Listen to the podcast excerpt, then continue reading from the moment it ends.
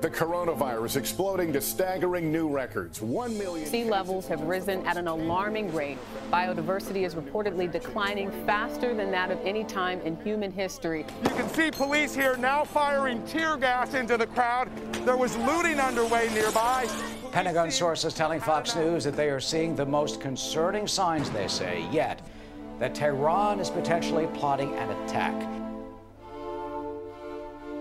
Dit zijn turbulente tijden. Een snelle blik op het nieuws is al genoeg om nerveus te geraken. Ik ben journalist en ik mag dat zeggen. De eindeloze stroom nieuws is niet het echte leven. Helaas is ons brein erg gevoelig voor die stroom van nieuws.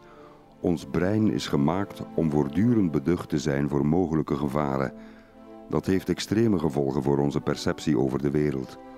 Het sluit ons af van de mogelijkheid om ander, beter of zelfs goed nieuws in ons op te nemen. Ja, er is veel leed in de wereld. Een snelle blik op de voorbije 20e eeuw toont ons een combinatie van verbazingwekkende vooruitgang en onnoemelijke tragedies. De Spaanse griep van 1918 doodde 50 miljoen mensen. De Tweede Wereldoorlog doodde 60 miljoen mensen. COVID-19 heeft lelijk huisgehouden in het voorbije jaar. Er waren tsunamis in Thailand, Indonesië en Sri Lanka aan het begin van deze eeuw. Bosbranden, overstromingen, stormen, sprinkhanenplagen. Maar ondanks al die turbulentie is de kindersterfte met 90% afgenomen, overlijdens bij de geboorte met 99% en de levensverwachting van de mens is verdubbeld in 100 jaar tijd. Vandaag hebben in Amerika zelfs de armste Amerikanen toegang tot telefoon, internet en televisie en een toilet met stromend water als ze geluk hebben. Drie of vier luxe zaken die zelfs de rijksten op aarde zich niet konden veroorloven bij het begin van de 20e eeuw. Ja, er zijn ontelbaar veel ruwe onderbrekingen van die vooruitgang, bumps on the road, die geregeld ons hart kunnen breken. Maar, en dat is mijn punt, onze levensstandaard zal blijven omhoog gaan, ondanks de horreur die het nieuws en de hoofdpunten beheersen. This is CNN Breaking News. Breaking news: two of President Trump's former close associates. Kijk, dit is de paradox van mijn vak. We willen over de wereld spreken, maar we vergeten te spreken over trends en stille evoluties. Nieuws gaat zo vaak over het hier en het nu, het incident, de ramp, het conflict, de ruzie. Ik geef het ootmoedig toe. Wij media maken je voortdurend bang en ons brein is daar zeer ontvankelijk voor. We leven binnenin ons brein onder een voortdurende staat van beleg. We leven in een soort epidemie van angst. We hebben nog nooit in zo'n beschermende en vredige omgeving geleefd en toch voelen we ons angstig, cynisch, pessimistisch en wordt er tegen de sterren op gezeurd en geklaagd. We leven als het ware in paniekmodus. De filters van ons brein lijken bijna ontworpen om liever pessimistisch te zijn en bang, zodat het goede nieuws bijna versmoord wordt.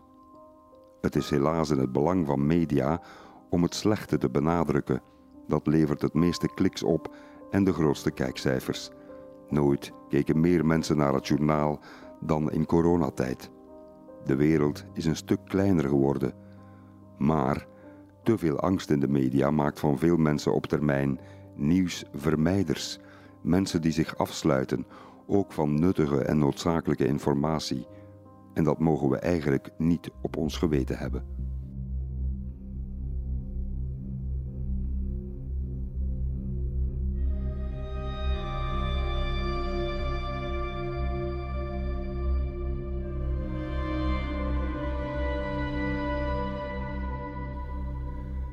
Ik merk het zelf in mijn vakgebied Amerika. Trump mocht bij wijze van spreken geen scheet laten of hij kwam in het nieuws. Overigens precies wat hij wilde. If I put out a statement, if I put it out on social media, it's like an explosion. Like I'm going to in a little while a very important statement. Now they're going crazy. What is it? Tell me what. Er heeft zijn hele presidentschap lang een aan ramptoerisme grenzende fascinatie, ja zelfs obsessie bestaan rond Trump. Mijn Amerika-boek Dagen zonder Trump wou het daarom ook over de essentie van Amerika hebben. De nieuwe president van datzelfde reusachtige land, Joe Biden, worstelt om in het nieuws te geraken. Ondanks zijn sociale hervormingsbeleid is het lastig om hem verkocht te krijgen, merk ik. I'm proposing a plan for the nation that rewards work, not just rewards wealth. Als hij een groot infrastructuurplan lanceert om Amerika een make-over te geven, geraakt dat gewoonweg niet in het nieuws. Zeker niet als er ergens een illegaal coronafeestje is geweest in een bos. It's the largest American jobs investment since World War II.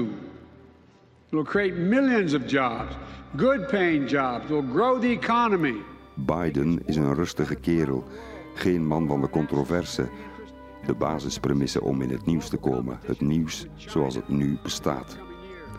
Om het met een boutade te zeggen, Ben Weitz geraakt bij elke losse gedachte in het journaal, Joe Biden bij lange niet. Dat is een feit. De zaak wordt nog verergerd door de komst van de sociale media met hun concurrerende alternatieve feiten, die vaak niet op reële, onweerlegbare feiten zijn gebaseerd. Iemand noemde het truth versus truthiness, iets dat niet waarheid is, maar er van ver een beetje op gelijkt. The common view about the world is outdated with several decades. The media have missed to communicate it. But perhaps this is because the world is changing so fast. Een van de belangwekkendste mensen die ik ooit ontmoette is Hans Rosling, een Zweedse gezondheidseconoom en arts. Hij stierf helaas in 2017 aan pancreaskanker. Veel te vroeg, hij was pas 68. Ik ontmoette hem drie keer. In 2013, 14 en 15. Een uitermate slimme man. Hij lachte de journalisten en bedrijfsleiders en politici vierkant uit tijdens zijn presentaties. that Swedish top students know statistically significantly less about the world than the chimpanzees. Because the chimpanzee would score half right. The problem for me was not ignorance, it was preconceived ideas. Wat weten jullie eigenlijk van de wereld, zei hij. Jullie denken nog steeds dat de wereld eruit ziet zoals in 1970, dat er een bevolkingsexplosie aan de gang is. Quote non. Dat Ethiopiërs of Syriërs nog steeds gezinnen hebben met tien kinderen. Quote non. Dat ziekte en scolarisatie in de derde wereld respectievelijk alomtegenwoordig en afwezig zijn. Quote non.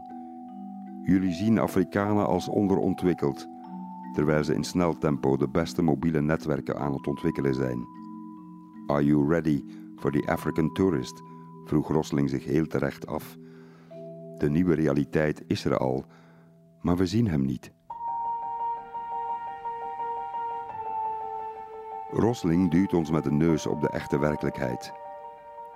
De wereld is slecht en het voelt alsof alles nog slechter wordt, toch? Oorlog, geweld, natuurramp, corruptie. De rijken worden rijker, de armen worden armer. Dat zijn de beelden die in ons hoofd zitten ingeprent, ingesleten, ingebakken beelden.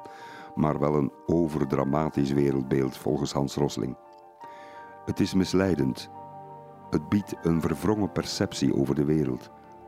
De grote meerderheid van die wereld leeft ergens in de middenmoot van de inkomensschaal. Heel veel extreme armoede is verdwenen. Kinderen worden ook daar gevaccineerd. Kinderen gaan ook daar naar school. Stap voor stap, elk jaar een beetje meer, een beetje beter, wordt de wereld een leukere plek, eigenlijk. Look at the data. Look at the facts about the world. And you will see where we are today and how we can move forwards with all these billions on our wonderful planet. Ja, er is nog veel rot in de wereld, maar er is ook veel vooruitgang. Maar we willen die helaas niet zien of niet coveren. Onze kennis over de wereld zoals hij is, hinkt achterop. Ja, er is veel foute boel in de wereld. Er is terreur, oorlog, overbevissing, oceaanvervuiling, bedreigde diersoorten, bedreigd klimaat, vuile virussen.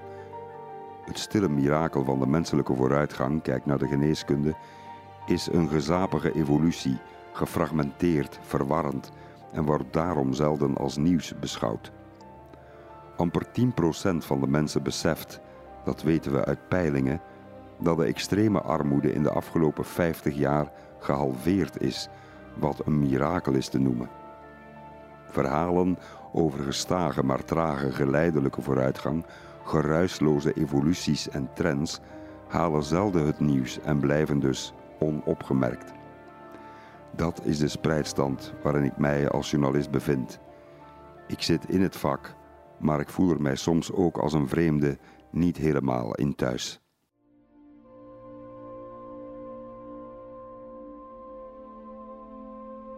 Er is nu minder onheil dan vroeger, maar door de vooruitgang en de extreme snelheid waarmee nieuws de wereld rondreist, krijgen we net het omgekeerde beeld van die wereld. Elke hindernis in de vooruitgang laat alarmbellen afgaan in de verslaggeving. Gevolg, er wordt overdreven, er wordt angst verspreid. Afgelopen jaar waar ik zit in Amerika, dramatische stijging van de criminaliteit werd er gemeld. We looking at spikes in crime, crime surging in America's cities right now. New York City reporting a violent 4th of July weekend. Ik moet dat helaas tegenspreken, omdat de stijging bij lange na niet te vergelijken is met de enorme dalende trend van criminaliteit sinds 30 jaar. Gevolg, de meerderheid van het publiek heeft het gevoel dat de criminaliteit erger wordt. En het is gewoon niet waar. We voelen veel, maar we weten weinig. Ik zei dat al als hoofdredacteur van het journaal. Collega-journalisten beschimpten me vanuit het struikgewas. Ik was eigenlijk een nestbevuiler. Iemand die het echte nieuws onder de mat wou vegen en de wereld rooskleuriger wilde voorstellen dan hij was. Een columnist in de Standaard noemde muziek in het hoofd. Maar terugkijkend en eerlijk, wie is het die dwaalt?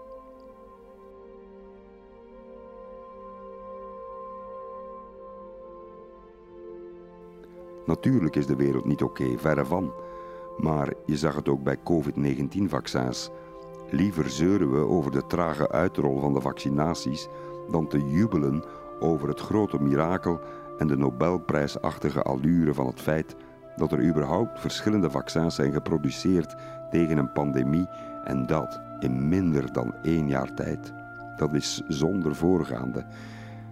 En zo geloven mensen dat er niets nog oké is verliezen ze de hoop in de vooruitgang in de overheid en verliezen ze het vertrouwen in maatregelen die echt werken. Dat is de tragiek van deze tijd. We leven in de stad der blinden van de Portugese schrijver José Saramago. Hoe beschaafde mensen in nood en crisistijd kunnen degenereren tot dierlijk gedrag en domheid. Hoe maatschappelijke chaos de mentale gezondheid en het gezond verstand op hol doen slaan en vriendschappen en relaties aantasten.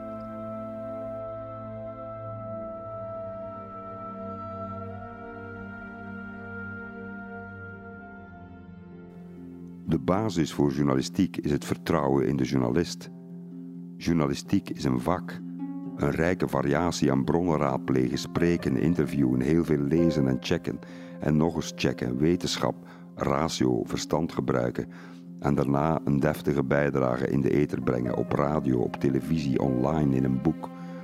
Dat is mijn vak, zoals schrijnwerker of bakker een vak is. Het is geen handeltje in meningen. Ik doe eigenlijk niet aan meningen op radio en tv. Helaas zijn eenvoudige feiten gereduceerd tot een zoveelste mening tussen vele anderen. Mijn vak is in essentie een soms moeizaam proberen te achterhalen van de juiste feiten, de volledige feiten, de context er rond, het wie en wat en hoe en vooral waarom. De beste versie van de waarheid bovenspitten. Ik heb daarmee nooit rekening gehouden met mijn eigen voorkeuren of wie iets zei, van welke kant iemand is. Je zoekt naar de waarheid van welke kant die ook komt. Je houdt dingen tegen het licht, je neemt niets zomaar aan. Dat is mijn opdracht als journalist van de openbare omroep. Neutraal zijn betekent dus helemaal niet de waarheid van elk een presenteren en vervolgens de luisteraar of kijker of surfer lui aan zijn of haar lot overlaten. Ik word in mijn werk ook betaald om de feiten helder te interpreteren op basis van ervaring, waarneming, statistieken, cijfers, feiten. Als journalist moet ik feiten of waarheden die me worden gepresenteerd kunnen doorprikken. Ik moet dus kunnen zeggen of iets propaganda is of leugen. Ja, ook dat is objectief. Anders zou ik een onnozel vehikel zijn dat zich laat gebruiken om gewenste waarheden of feiten de wereld in te sturen. Als iemand mij zegt dat de islam het grote probleem is van deze tijd, moet ik dat tegenspreken op basis van feiten. Het is niet omdat Al-Qaeda bestaat of IS dat alle moslims in de wereld gevaarlijke terroristen zijn, wat kennelijk veel mensen denken. Als hoofdredacteur van het journaal kreeg ik in der tijd het verwijt dat ik terreur onder de mat veegde omdat ik weigerde de gruwelvideo's van IS op televisie te tonen. Mijn punt was en is: waarom zou ik me voor de kar van IS laten spannen en propagandagruwel tonen? Waarom zou ik zo stom zijn vanuit een soort sensatiezucht om die video's de wereld in te sturen en zo eigenlijk mee te helpen aan de recrutering van mogelijke terroristen?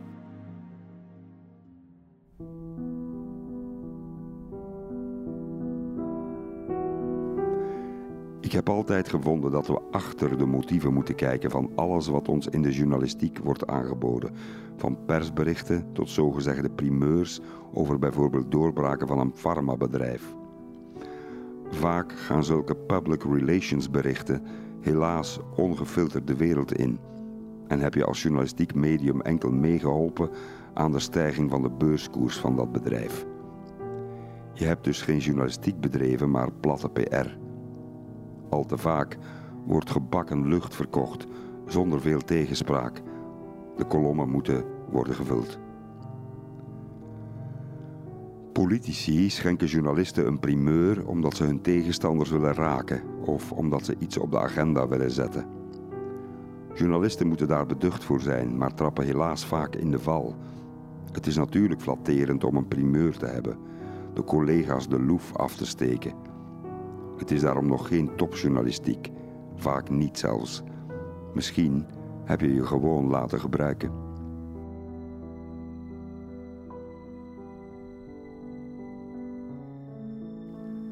Wij journalisten willen graag impact.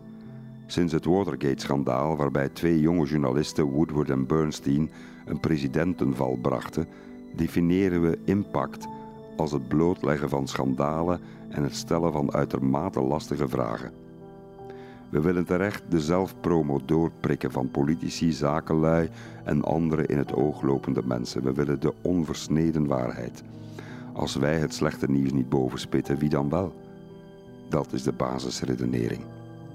Maar geregeld slaat ons gezond verstand, ons kritisch vermogen door naar cynisme. En daardoor vergeten we het hele verhaal te vertellen met al zijn nuances. Niet alles is alleen maar slecht en verdorven. Na Watergate leek er geen grotere roeping in de journalistiek dan het ontmaskeren van de leugens van politici. Politici werden bij voorbaat schuldig bevonden. Go get 'em, pak ze. Een omkering van het rechtsbeginsel. Iedereen schuldig tot het tegendeel is bewezen. Dat is niet gezond voor het perceptievermogen van de mediagebruiker. I am officially running for President of the United States, and we are going to make our country great again. En toen kwam Donald Trump en werd ik Amerika-correspondent voor VRT Nieuws. Je bent een Trump-hater, kreeg ik de voorbije vier jaar geregeld te horen en te lezen. Je bent een linkse klootzak, een marxist, een stalinist, kreeg ik te horen en te lezen. Je liegt erop los, kreeg ik van Vlaamse Trump-fans toegeslingerd. Wat is er de laatste jaren toch gebeurd met de onwrikbare feiten, de ontegensprekelijke cijfers en waarheden? Waarom worden zoveel mensen ongelukkig van die waarheid? Waarom worden ze boos als ik zei dat Trump loog? Is dat subjectief, niet neutraal? Iemand zei me: Trump heeft de schulden van Obama ongedaan gemaakt. Dat vertel je niet, hè, linkse rakker? Dit zijn de feiten. Toen Obama vertrok, bedroeg de totale schuld van Amerika ongeveer 19,7 duizend miljard. Toen Trump vertrok, vier jaar later, bedroeg de Amerikaanse schuld 27.000 miljard. Naakte cijfers, feiten. Ik heb mijn eigen feiten en cijfers, riposteren mijn kritiekasters. Tja, ik werk met officiële statistieken. What else?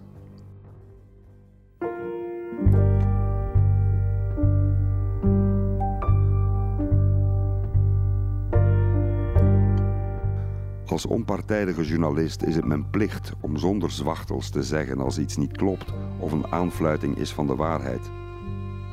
Zoals ik ook zal zeggen dat het helemaal waar is dat Joe Biden in de jaren 90 gretig meestemde met de misdaadwet van Bill Clinton die de gevangenispopulatie in de VS deed exploderen. Let us roll up our sleeves to roll back this awful tide of violence and reduce crime in our country. We have the tools now. Let us get about the business of using them. Een wet die onevenredig hard was voor zwarte Amerikanen en leidde tot een ware opsluitgekte. You have done nothing other than the crime bill, which put Oh, God. th- tens of thousands of black men mostly in jail. All right, let me let know me let me They ask. Trump zat juist met die bewering. Een pijnlijke waarheid voor de Democraten. En ik moet dat natuurlijk vertellen. Het kost me ook geen moeite. Ik ben een journalist, geen activist, maar wel een die het algemeen belang centraal moet stellen. Zoals gezegd, de waarheid is mijn maatstaf, hoe pijnlijk die ook is voor wie dan ook. Altijd de fact-check. Als ik vertel dat de Democraten veel Amerikaanse arbeiders in de steek hebben gelaten toen Bill Clinton het vrijhandelsakkoord NAFTA ondertekende met Mexico en Canada, dan baseer ik mij op feiten. Veel goed betaalde banen verdwenen uit de VS naar het goedkope Mexico. Als ik vertel dat het beleid van Donald Trump om kinderen van hun ouders te scheiden aan de grens vreedaardig was, dan is dat de harde waarheid. Wie het omgekeerde beweert, lijkt zijn mens zijn verloren, lijkt me. Was Obama dan wel zo vriendelijk voor migrantenkinderen? Ook niet. Hij sloot inderdaad ook kinderen op in kooien, alleen hij liet ze niet scheiden van hun ouders. De jongeren in kooien waren minderjarigen die op hun eentje de grens waren overgestoken in 2014. Obama toonde zich ook niet van zijn beste kant toen hij de termijn van jongeren om beroep aan te tekenen tegen hun deportatie terugschroefde van ongeveer een jaar tot drie weken. Ook dat zeg en schrijf ik dus.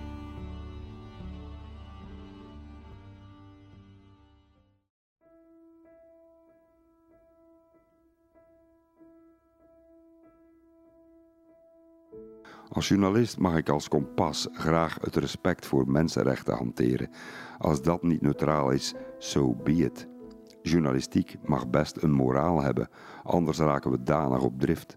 Daar is niets links of rechts aan. Maar morele houvast, dat mag best. Een journalist mag ook normen en waarden hebben. Ik doe dit werk ontzettend graag. Het is een bevredigende missie om de chroniqueur van dit ongelooflijke land te zijn. Maar ben ik een Amerika-hater omdat ik het vaak lamentabele lot toon van talloos veel Amerikanen, een lot dat niet spoort met het beeld dat door de ex-president werd opgehangen van het land? Ben ik een Amerika-hater en een communist omdat ik in reportages wijs op de onvoorstelbaar grote kloof tussen arm en rijk in de VS? Ben ik een linkse progressief omdat ik toon dat heel veel zwarte Amerikanen nog steeds in gore ghetto's leven in de steden of op het platteland? Ben ik een linkse rakker omdat ik de door de Amerikaanse media onder de mat geveegde drugplaag toon in lange reportages? Was ik een Trump-hater toen ik meldde dat de voormalige president de coronacrisis onder de mat veegde en nul empathie toonde met de 500.000 coronadoden? Soms was ik ook de kop van Jut omdat ik Trump-aanhangers ook aan het woord laat. Natuurlijk moet ik dat doen, uiteraard. Hoe kan ik anders weten wat ze denken en hoe ze leven? En natuurlijk kijk ik niet op ze neer. Een journalist moet nooit mensen misprijzen, wel gewoon goed kijken, luisteren en optekenen als een soort historicus van deze tijd.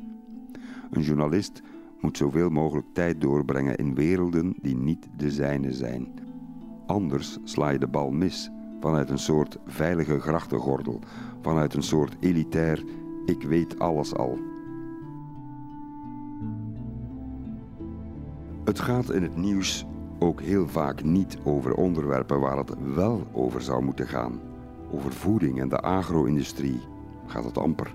Over hoe de wereld werkt, hoe we als consument vervreemd zijn geraakt van voedsel, hoe we ziek worden van al de rommel die we binnenwerken. Het behoort tot het leven, maar bijna nooit tot het leven van het nieuws.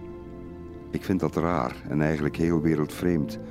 We berichten veel te weinig over structuren en mechanismen en te veel over incidenten die ons adrenalinegehalte meteen de hoogte instuwen. Over mijn vak kan je veel frustraties koesteren, zoals het feit dat het er voor velen totaal niet toe doet welke informatie juist is. Feiten doen er niet toe. De gedachten zijn al lang gebeiteld in steen. Wie informatie verspreidt die tegen dat gedacht ingaat, is een vijand. Helaas, zo leert niemand nog wat. Een vuile loopgravenoorlog en diepe polarisatie zijn het trieste gevolg. Steeds meer mensen lijken steeds sneller te oordelen met steeds minder kennis, schreef een rechter onlangs na de moord in Beveren op een homoman. Soms is er nog niet genoeg informatie voorhanden om gefundeerd een oordeel te vellen. De rechter schreef: Wij zijn vaak de gebeten hond, omdat een uitspraak niet altijd spoort met het proces dat al meteen in de publieke arena is gevoerd. Wij media, dat moeten we toegeven, spelen daar vaak een kwalijke rol in. We jagen politici op, vragen meteen na een gebeurtenis terwijl alles nog dampend heet is, antwoorden en reacties van het beleid. Het gevoel van de mensen, weet u wel.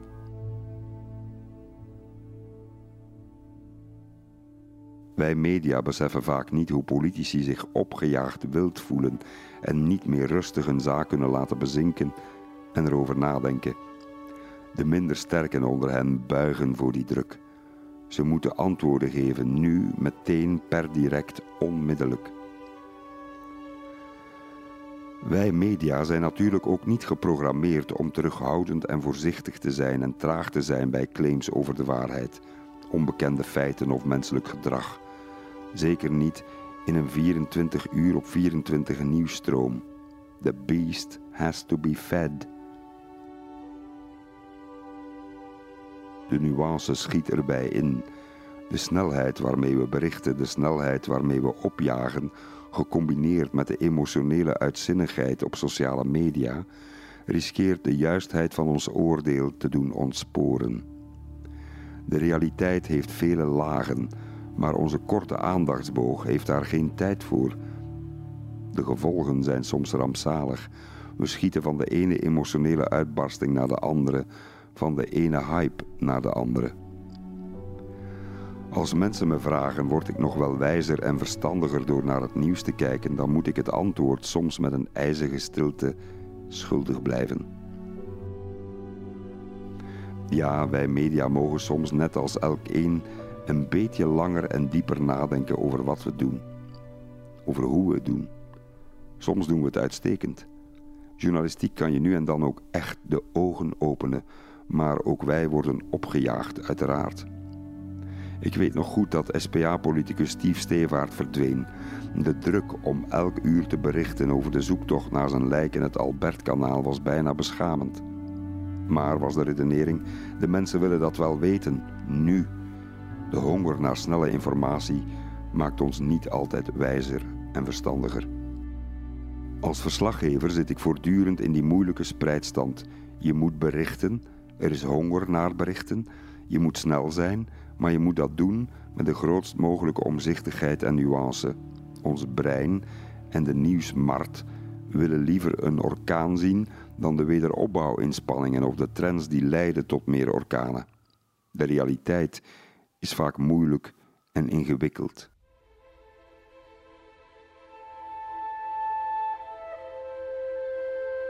Soms hebben journalisten ook een foute, vooringenomen opvatting over de wereld.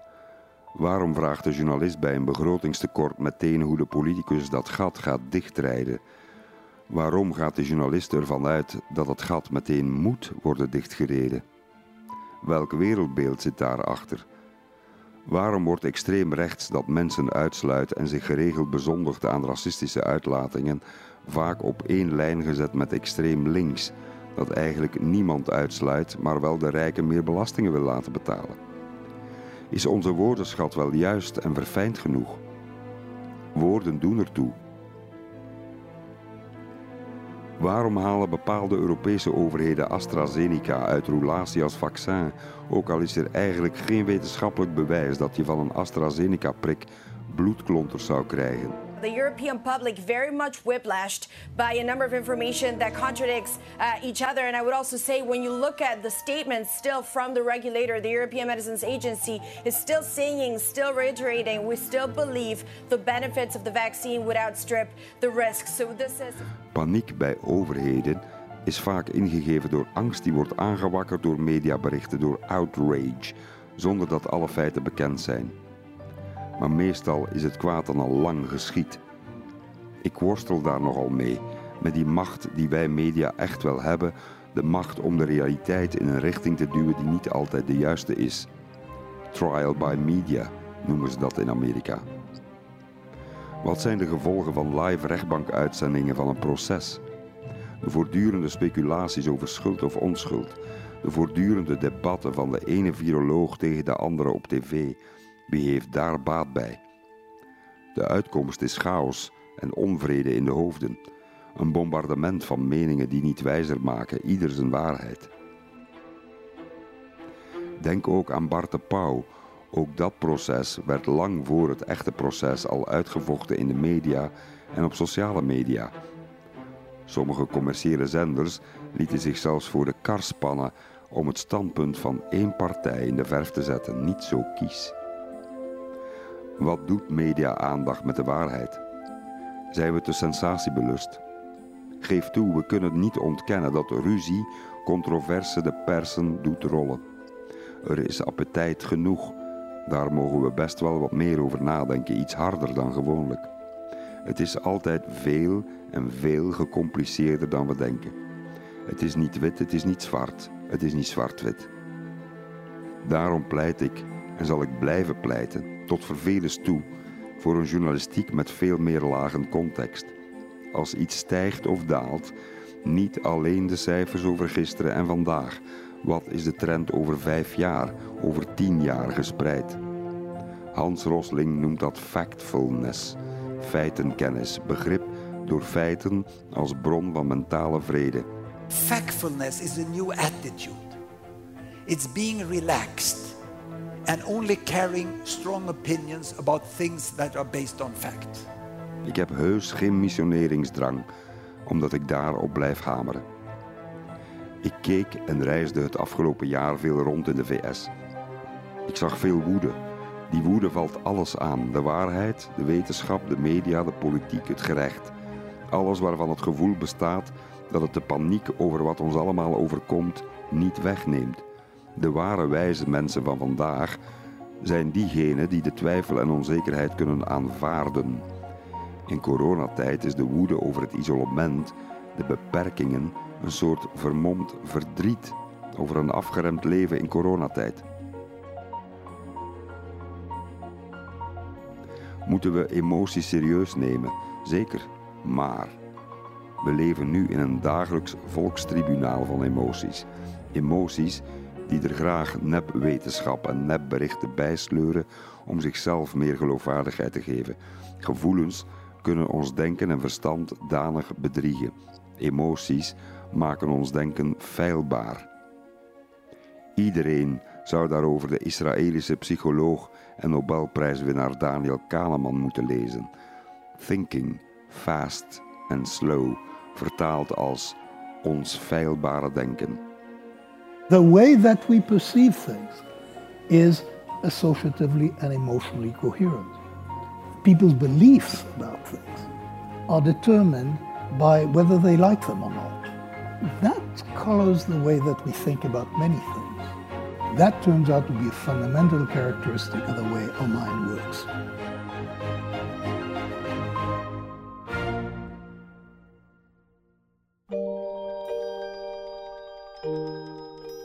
Emoties inzetten als valabele rationele argumentatie, don't do it.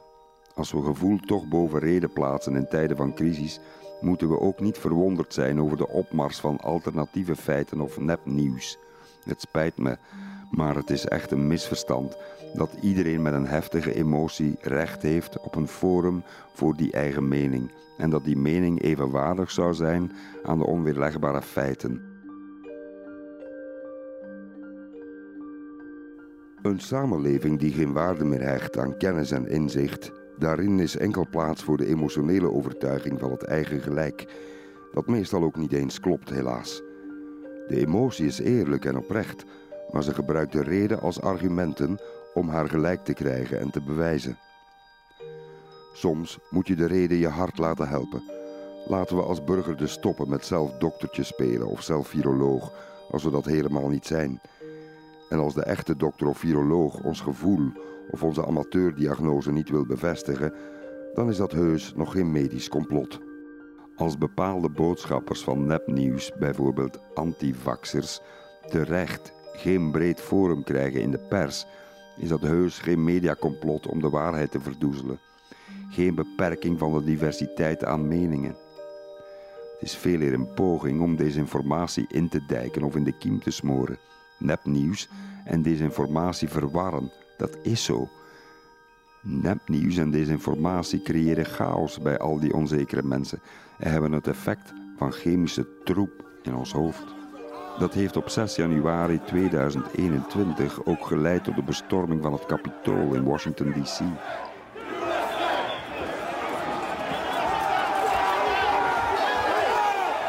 Ook dat was een gevoel. Het gevoel dat de verkiezingen gestolen waren van Donald Trump en dat dit de wettenmakers even duidelijk moest worden gemaakt. Nepnieuws kan dus levensgevaarlijk zijn.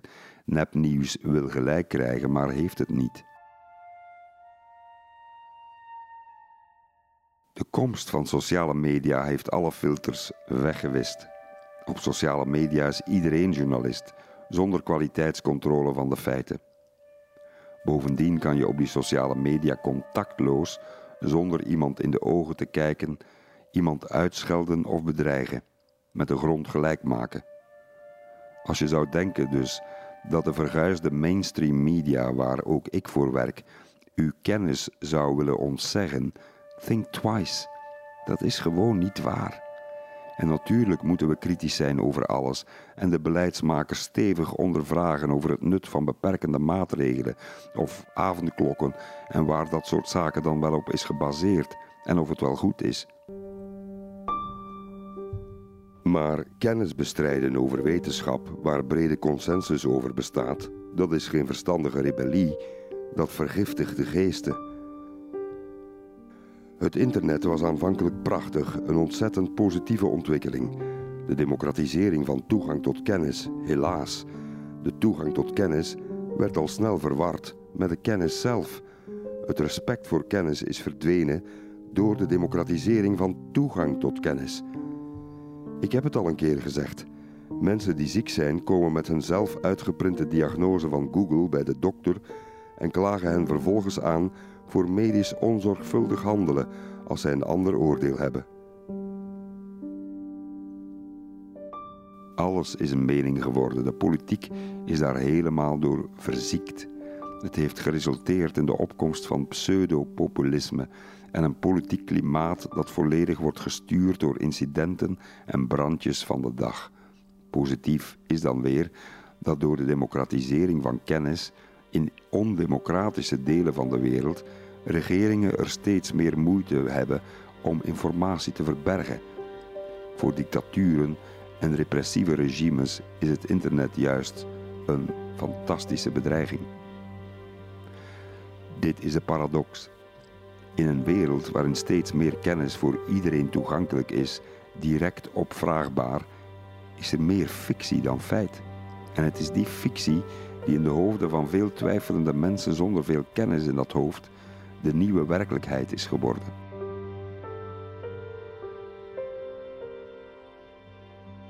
Het internet heeft niet geleid tot meer individueel denken door toegankelijke kennis. Nee, het heeft juist geleid tot massa-individualisme. We kijken mekaars mening af, we imiteren mekaars mening. Dat geeft zekerheid en hou vast, je maakt deel uit van een groep. Je bent minder eenzaam. In die context is journalistiek bedrijven steeds lastiger. Feit en fictie zijn steeds moeilijker te onderscheiden. Realiteit en beeldvorming liggen steeds verder uit elkaar. Hoe komt dat toch? Het dieper liggende probleem is vertrouwen. Iets dat al speelde lang voor de wereldwijde coronacrisis. Vertrouwen. We zitten in een reusachtige, een joekel van een crisis van vertrouwen. Dat is het probleem van deze tijd. Ons sociale vertrouwen, ons vertrouwen in elkaar, ons vertrouwen in autoriteit is de weg kwijt. In regeringen en in overheid, in gerecht, in wetenschap, in de media, het onderwijs, de zakenwereld.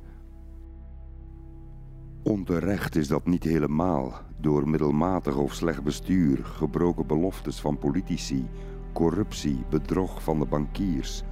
People were screwed, people were fucked over. Ook in mijn wereld, in de media, geven we al te vaak onze fouten niet toe. Te weinig besef is er in mijn wereld over wat de impact is van bepaalde nieuwsfeiten. Media beseffen te weinig hoe ze een vertekend beeld over de wereld bestendigen, te veel angst en sensatie de wereld inslingeren. Het doet me zeer dat te moeten zeggen. Misschien word ik straks de tent uitgeknokt omdat ik dit zeg, omdat ik het eigen nest bevuil en misschien word bekeken als een charlatan die de bestaande inzichten niet met rust wil laten. Anyway. Het ultraliberalisme heeft ons groeiend ongelijke samenlevingen gebracht. In Amerika bezit één rijke winkeliersfamilie, de Waltons, die van supermarktketen Walmart, meer rijkdom dan de 150 miljoen armste Amerikanen. Geen wonder dat het gevoel over billijkheid is weggevlogen. Geen wonder dat de middenklasse zich genaaid voelt. Demagogen hebben daarboven in deze wankele tijd het racisme en de angst voor vreemdelingen uit de andere continenten aangewakkerd en ook het afwijzen van de wetenschap. Demagogen zijn volksverlakkers die onze emoties gebruiken en misbruiken om angst aan te wakkeren tegen foute vijanden. Op chaos gedijen ze het best. Ze stichten graag brand in onze hoofden. En daarom zaaien ze kwistig twijfel over de feiten, over de geloofwaardigheid van de media en de politiek. A few days ago, I called the fake news the enemy of the people, and they are. They are the enemy of the people. Ze slagen daarin wonderwel, omdat de gevestigde orde een zeer grote groep mensen effectief zwaar heeft teleurgesteld.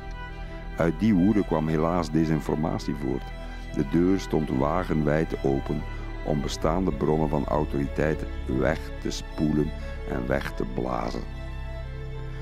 Dat ingestorte sociale vertrouwen kwam door de coronacrisis helemaal bloot te liggen.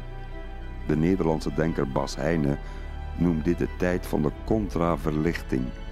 Na alle moeite die de verlichting zich heeft getroost om geloof en bijgeloof uit te bannen, zijn de feiten vandaag niets meer dan een mening. Wetenschap wordt met argwaan bekeken.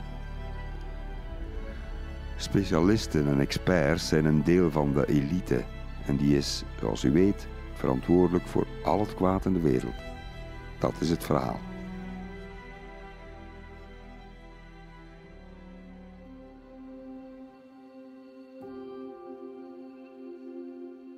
Nogmaals, de elite heeft het wel degelijk serieus verkloot. Met oorlogen in Irak en Afghanistan, met de financiële crisis die ze ontketende en de economische crisis en de bezuinigingen die vervolgens grote massa's in de ellende storten. Daar dragen we nu nog altijd de gevolgen van. Elke poging van mijn vakgenoten om de kwaliteitsfilters te herstellen in de journalistiek wordt beschouwd als een poging tot censuur door de elite. Mijn leeftijdsgenoot, ook bouwjaar 1968 en net als ik schrijver bij uitgeverij De Arbeiderspers, maar dan een beetje veel succesvoller, de grote Ilja Leonard Pfeiffer, schreef het onlangs zeer mooi in de krant. De richting die we zijn uitgeslagen, zei hij, voelt niet bergafwaarts naar de middeleeuwen, maar naar iets veel ergers: de emancipatie van de dommen die zichzelf slim vinden. Ik wil graag een dokter citeren met wijze woorden. Dr. Abdou Sharkawi is infectioloog aan het Universitair Ziekenhuis van Toronto in Canada. Hij beklaagt onze zwakheden en biedt een remedie aan. I implore you all, ik beklaag jullie allen. Temper fear with reason, panic with patience and uncertainty with education. Reden in plaats van angst, geduld in plaats van paniek, opleiding en kennis in plaats van twijfel en onzekerheid. Ik vraag me dat geregeld af. Wat is het nut van de journalistiek? Soms moet je verhalen vertellen, maar krijg je daarmee nog wel toegang tot de geest van de mensen? Doet het ertoe? Staat het publiek open in deze tijd om verhalen te horen die niet stroken met hun wereldbeeld? Verhalen die de muren van een echokamer proberen te slopen. Als journalist ervaar je geregeld hoe mensen je als verslaggever of chroniqueur in een hok willen stoppen. Ze willen je zo graag bestempelen als rechts of links, pro of tegen Trump, terwijl ons werk niet zo bestaat uit mensen sussen of ze te bevestigen in een wereldbeeld. Als journalist moet je zo breed mogelijk vertellen, niet bang zijn om tegen de haren van wie ook in te strijken. Truth telling. Als ik een podcast maak over de woelige geschiedenis van het racisme, over de sociale revolutie na George Floyd, dan komt de bagger er in reacties op sociale media uitgestroomd. Lang voor men überhaupt de moeite heeft genomen om te luisteren of te kijken. Maar iemand als ik die de samenleving wil beschrijven, is een beetje als een kunstenaar die een onweerstaanbare drang voelt iets te moeten maken, omdat het gewoon niet anders kan. Om de wereld te veranderen, niet per se. Maar waarom zou journalistiek en passant de wereld niet mogen of kunnen beter maken? Journalistiek is niet waardevrij.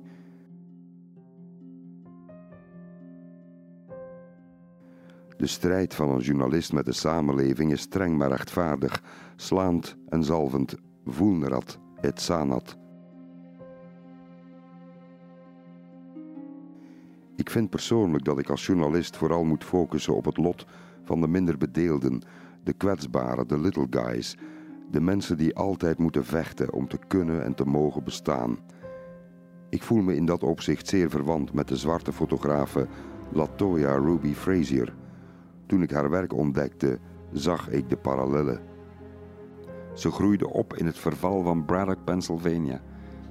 Ik ging daar in 2017 ook op reportage. Ik herinner me nog de man die ik toen interviewde op een zondagochtend dicht bij de vuile rook van een oude staalfabriek daar. Hij wou er weg, maar hij kon niet. It's uh, nothing all that joyful about it. I guess the only joyful part is when you go away from here. it, this, it is a rubble. Latoya Ruby Frazier leefde samen met de slachtoffers van de watercrisis in Flint, Michigan. Ik was daar ook in het gezin van Ariana Hawk en haar zoontje Sincere, dat ooit op de cover van Time magazine stond, vergiftigd door het water. En haar moeder die zei: Wij doen er niet toe, wij lijken niet te bestaan. And nobody, nobody seems to care. That's what really hurts. Nobody seems to care. Like I said, it's like we don't exist. Latoya Ruby Frazier trok ook wekenlang op met de arbeiders die hun werk verloren toen de GM-fabriek van Lordstown, Ohio, de deuren sloot en niet langer de Chevrolet Cruze maakte. Ik was daar ook. I worked 23 years of my life here with 4,500 brothers and sisters. We did everything that was asked of us, and then they shut the doors on us. Frazier zegt het zo mooi. Ik toon die donkere kanten van Amerika omdat ik hou van mijn land en mijn landgenoten. Als je van iemand houdt, dan vertel je de waarheid. Niet iedereen zal die waarheid willen horen, zegt ze, misschien zelfs nooit.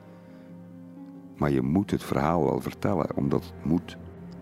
Je kunt mensen niet doen luisteren, maar je kan het ze met je werk wel moeilijker maken om de ogen of de oren af te wenden. Met verhalen kan je niets goed maken en niemand redden. Maar misschien wordt de wereld er wel draaglijker van. Het ondenkbare wordt misschien iets begrijpelijker.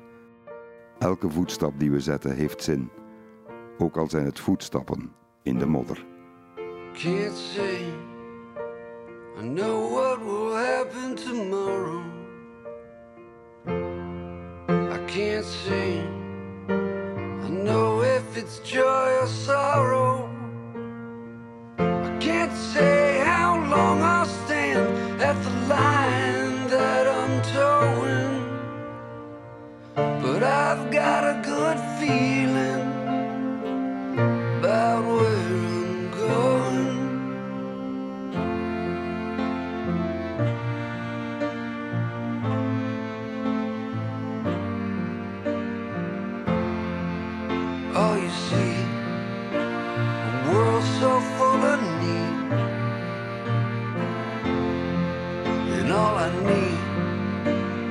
pocket full of seeds.